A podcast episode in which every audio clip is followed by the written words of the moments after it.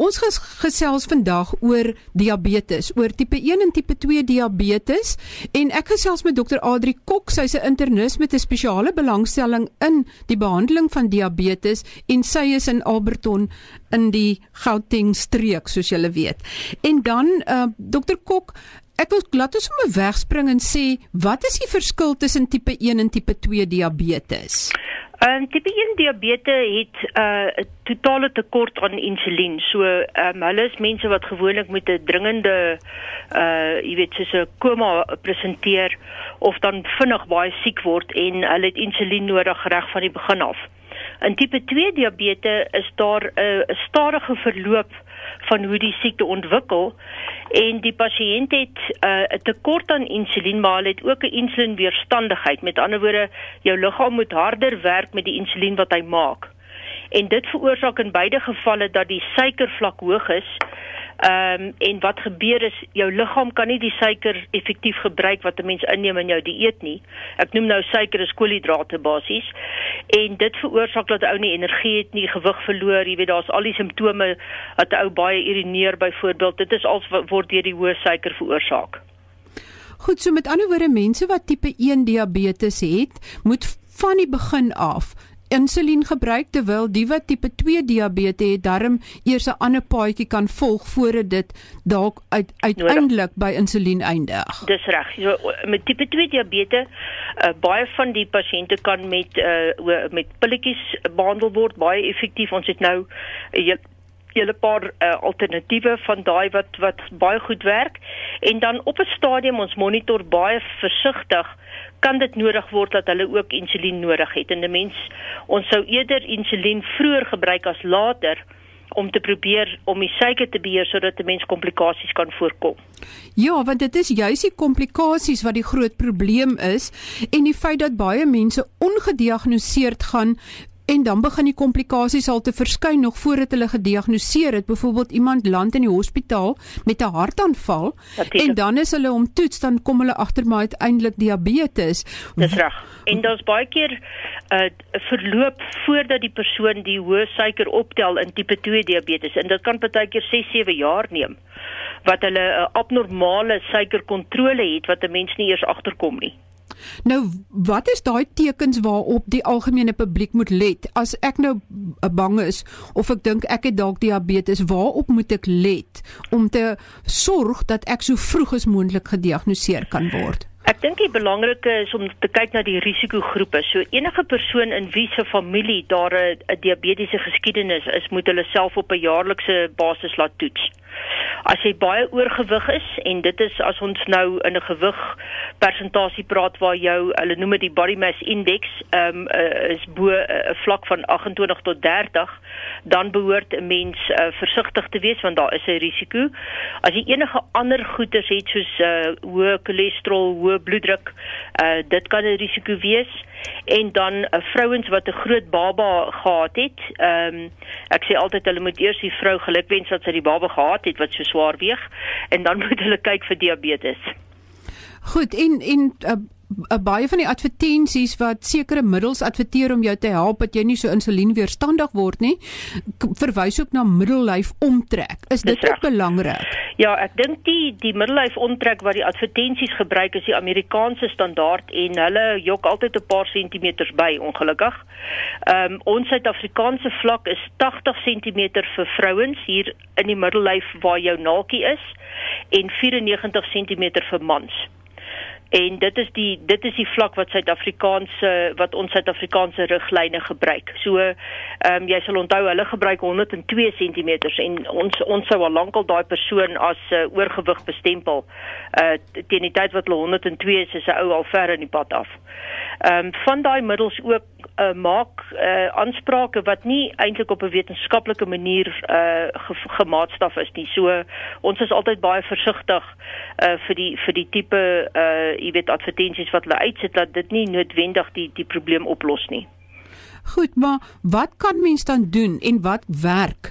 As mens nou sê maar jy word nou gediagnoseer met insulienweerstandigheid. Jy's nou nog nie ten volle binne in tipe 2 diabetes nie, maar jy is op pad soontoe.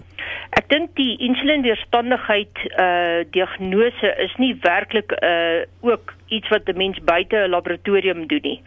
So baie pasiënte word getoets vir uh insulienvlakke en uh HOMA in 'n cookie indeks wat hulle van praat. Maar dit is nie diagnosties van enige siekte as sulks nie. So ons kyk eerder na jou vaste suiker. As hy tussen 6.1 en 6.9 val, dan het 'n mens 'n risiko vir diabetes. Dis nie te sê dat jy al 'n diabetes is nie.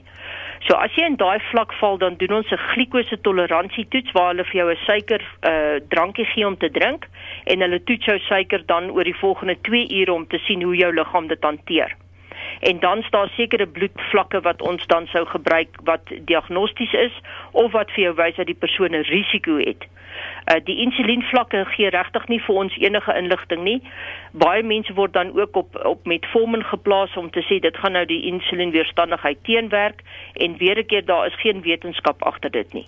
So jy moet eers metformin begin gebruik as jy werklik gediagnoseer word met tipe 2 diabetes. Absoluut. Absoluut. As jou vlak bo 7% is, of 2 ure na ete en daar's geen ander rede vir 'n verhoogde suiker soos byvoorbeeld 'n infeksie of 'n operasie nie, dan en hy's bo 11.1, dit is diagnosties van diabetes en dan staan nog 'n bloedvlak wat ons toets in die laboratoriums 'n HbA1c vlak. As hy bo 6.5% is, dan weet ons die pasiënt het, het diabetes. 5.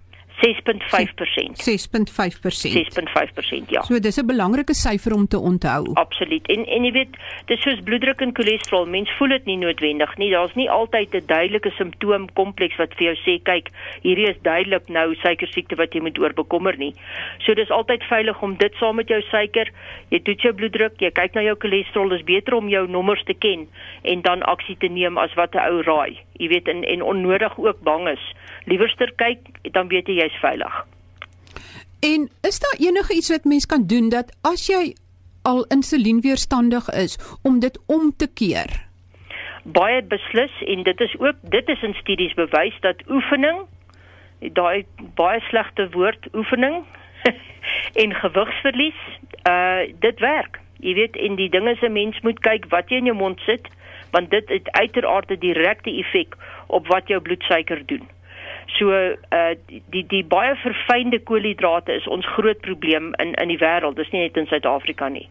So jou jou verfynde suikers, jy weet koek, uh brood, rys, ehm uh, daai pastas en uh veral van van die uh die kos uh wat 'n ou so, jy weet vinnige 'n burger gaan koop of 'n pizza of so daai tipe van kos het 'n baie hoër vetinhoud, dit baie meer sout in en dit het, dit word baie keer met verfynde suikers gemaak. So al die al die uh, fast foods is ongelukkig nie goed vir 'n mens nie.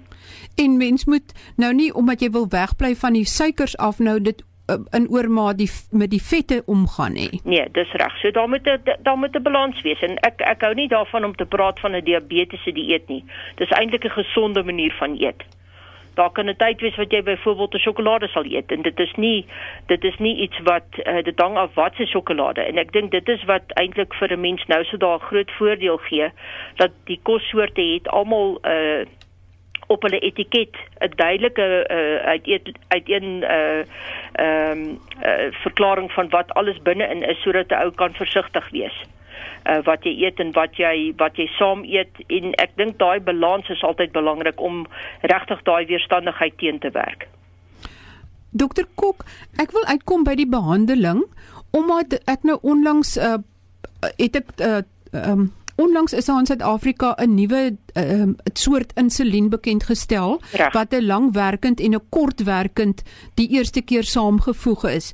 Maar voordat mens by insulien uitkom, is daar eers ander pilletjies of medikasie wat mens kan gebruik. Kan ons net soort van vinnig deur die stappe gaan? As mens ja. nou gediagnoseer word, eers probeer jy oefening en dieet en jy begin met metformin. Maar as dit nie werk nie of as jy nog iets by dit nodig het, Ons het um, kyk met Formin is maar die die grondslag van ons behandeling. Daar is mense wat dit nie goed tolereer nie en daar is met Formin XR ook en dan staan verskillende klasse nou van van uh, pilletjies wat 'n mens kan gebruik wat ons noem die orale middels.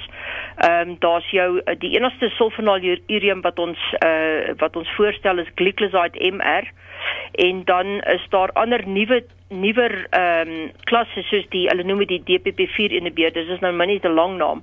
Maar basies wat die medikasies doen, dit help baie goed om die suiker onder beheer te, te bring en dit werk om jou uh, die pankreasselle te ondersteun sodat jou liggaam die insulien wat jy nog maak goed verwerk en dan dan sal ons daar's nog ander groepe wat op pad is Suid-Afrika toe wat nog nie hierso geregistreer is nie. En daar's een groep wat weer teruggekom het, die Siazolidine, daai ouens eh, die die uh, pioglitazone is die aktiewe bestanddeel. So daar's verskillende maniere en 'n mens moet elke individu uh, individu moet jy ondersoek met hulle gesels oor waar is jou riglyne, wat gaan vir hulle werk en dan besluit wat die beste gaan wees. Ek dink die die les wat ons in die verlede geleer het is 'n mens moet seker maak dat jy goed gekontroleer is. So jou HbA1c vlak onder 7% is ons eerste mikpunt. Ja, ek was nogal verstom. Ek bedoel ek kyk nie altyd na die Keeping Up with the Kardashians nie, maar die uh, die jong man daar in Rob Kardashian het Kardashian het um, uh, diabetes en tog het hy erken dat hy glad nie gereeld sy insulien gebruik wat hy moet gebruik nie wat vir my nogal skokkend is want dit is baie belangrik dat jou diabetes baie goed gekontroleer moet wees. Ongelukkig is mense uh, wat so in die publieke oog is wat daai tipe van uh, stelling maak uh, help ons glad nie. En ek dink elke persoon moet vir homself verantwoordelikheid aanvaar en luister na hulle dokter se raad want ek dink om te sê ag wat jy gebruik dit nie jy weet dit dit klink baie slim maar dit is eintlik baie dom want teen die tyd wat jy komplikasies ontwikkel het kan 'n mens dit nie meer omkeer nie. Ons weet baie duidelik dat as jy jou suiker beheer en jy kan onder HbA1c van 7% bly en eintlik ideaal 6.5 veilig het jy net soveel beter kans om die komplikasies te vermy. So jy weet hoekom dit toets en en vir jouself siek maak in jou later lewe as jy dit nou op hierdie oomblik kan beheer. Ek dink dit is baie belangrik om te verstaan. Daar's goeie medikasies beskikbaar, maar jy moet saam met jou dokter werk. Jy moet jou suiker monitor en jy moet seker maak dat jy dit onder beheer hou. Dokter Kok en hierdie nuwe soort insulien wat nou beskikbaar gekom het, is daar ehm um, is daar 'n watter plek het dit in die behandeling van tipe 2 diabetes of tipe 1 diabetes? Die insulien is uniek in die sin dat dit 'n langwerkende, ultralangwerkende uh, insulien saam met 'n kortwerkende insulien in een pen uh, beskikbaar maak. En die twee insuline werk onafhanklik alhoewel hulle in een pen saamgemeng is. So dis die eerste keer wat dit uh, so beskikbaar is en ek dink dit is 'n baie groot stap vorentoe. So die rede hoekom dit vir ons 'n groot uh, voordeel inhou is dat dit 'n beter kontrole van jou uh, jou wat ons noem jou basale insulienvlakke kan gee. So dit is jou agtergrond insulien en dan jou kortwerkend werk met etes. So dit stop dat jy nie hoë suikers na etes kry nie. Want daar's ook bewys dat daai uh, spike van die suiker na etes veroorsaak 'n uh, groot probleem uh, met uh, ook uh, uh komplikasies op jou uh, hart veral en op die bloedvaatjies. So die kombinasie van insulien werk baie effektief. Jy kan dit een of twee keer 'n dag gebruik en dit het 'n groot voordeel uh, bo ons vorige uh, benadering waar ons net eers 'n basale insulien op sy eie gegee het en dan miskien 'n gemengde insulien wat 'n uh, ander bestanddele in het en dan wat ons noem basale bolus uh, insulien. So hierdie gee vir ons 'n groot voordeel van daai kant of dit maak dit makliker, jy kan dit makliker aanpas en die pasiënte kan dit baie maklik doen. Baie baie dankie dokter Kok. Ek waardeer dit verskriklik baie ondanks ondanks die aanvanklike klein probleempies, maar ehm um, ek sou beslis in die toekoms weer met u moet gesels want daar is nog so baie goed oor diabetes wat gesê moet word en dit is so groot probleem in Suid-Afrika. Maar nogmals dankie. Baie gaaf. Baie dankie dat ek die kans gehad het om met u te gesels. Baie dankie. Dan wil ek net sê volgende week gesels ons oor niersiektes want dit is ook een van daardie stil bekruipers wat Eers as jou nierfunksie omtrent net 5% oor is wat jy daarvan bewus word. Jy kan nog 'n week tennis speel en die volgende week in die hospitaal lê wagtend op 'n dialyse. So skakel gerus volgende week weer in. Tot volgende week dan. Totsiens.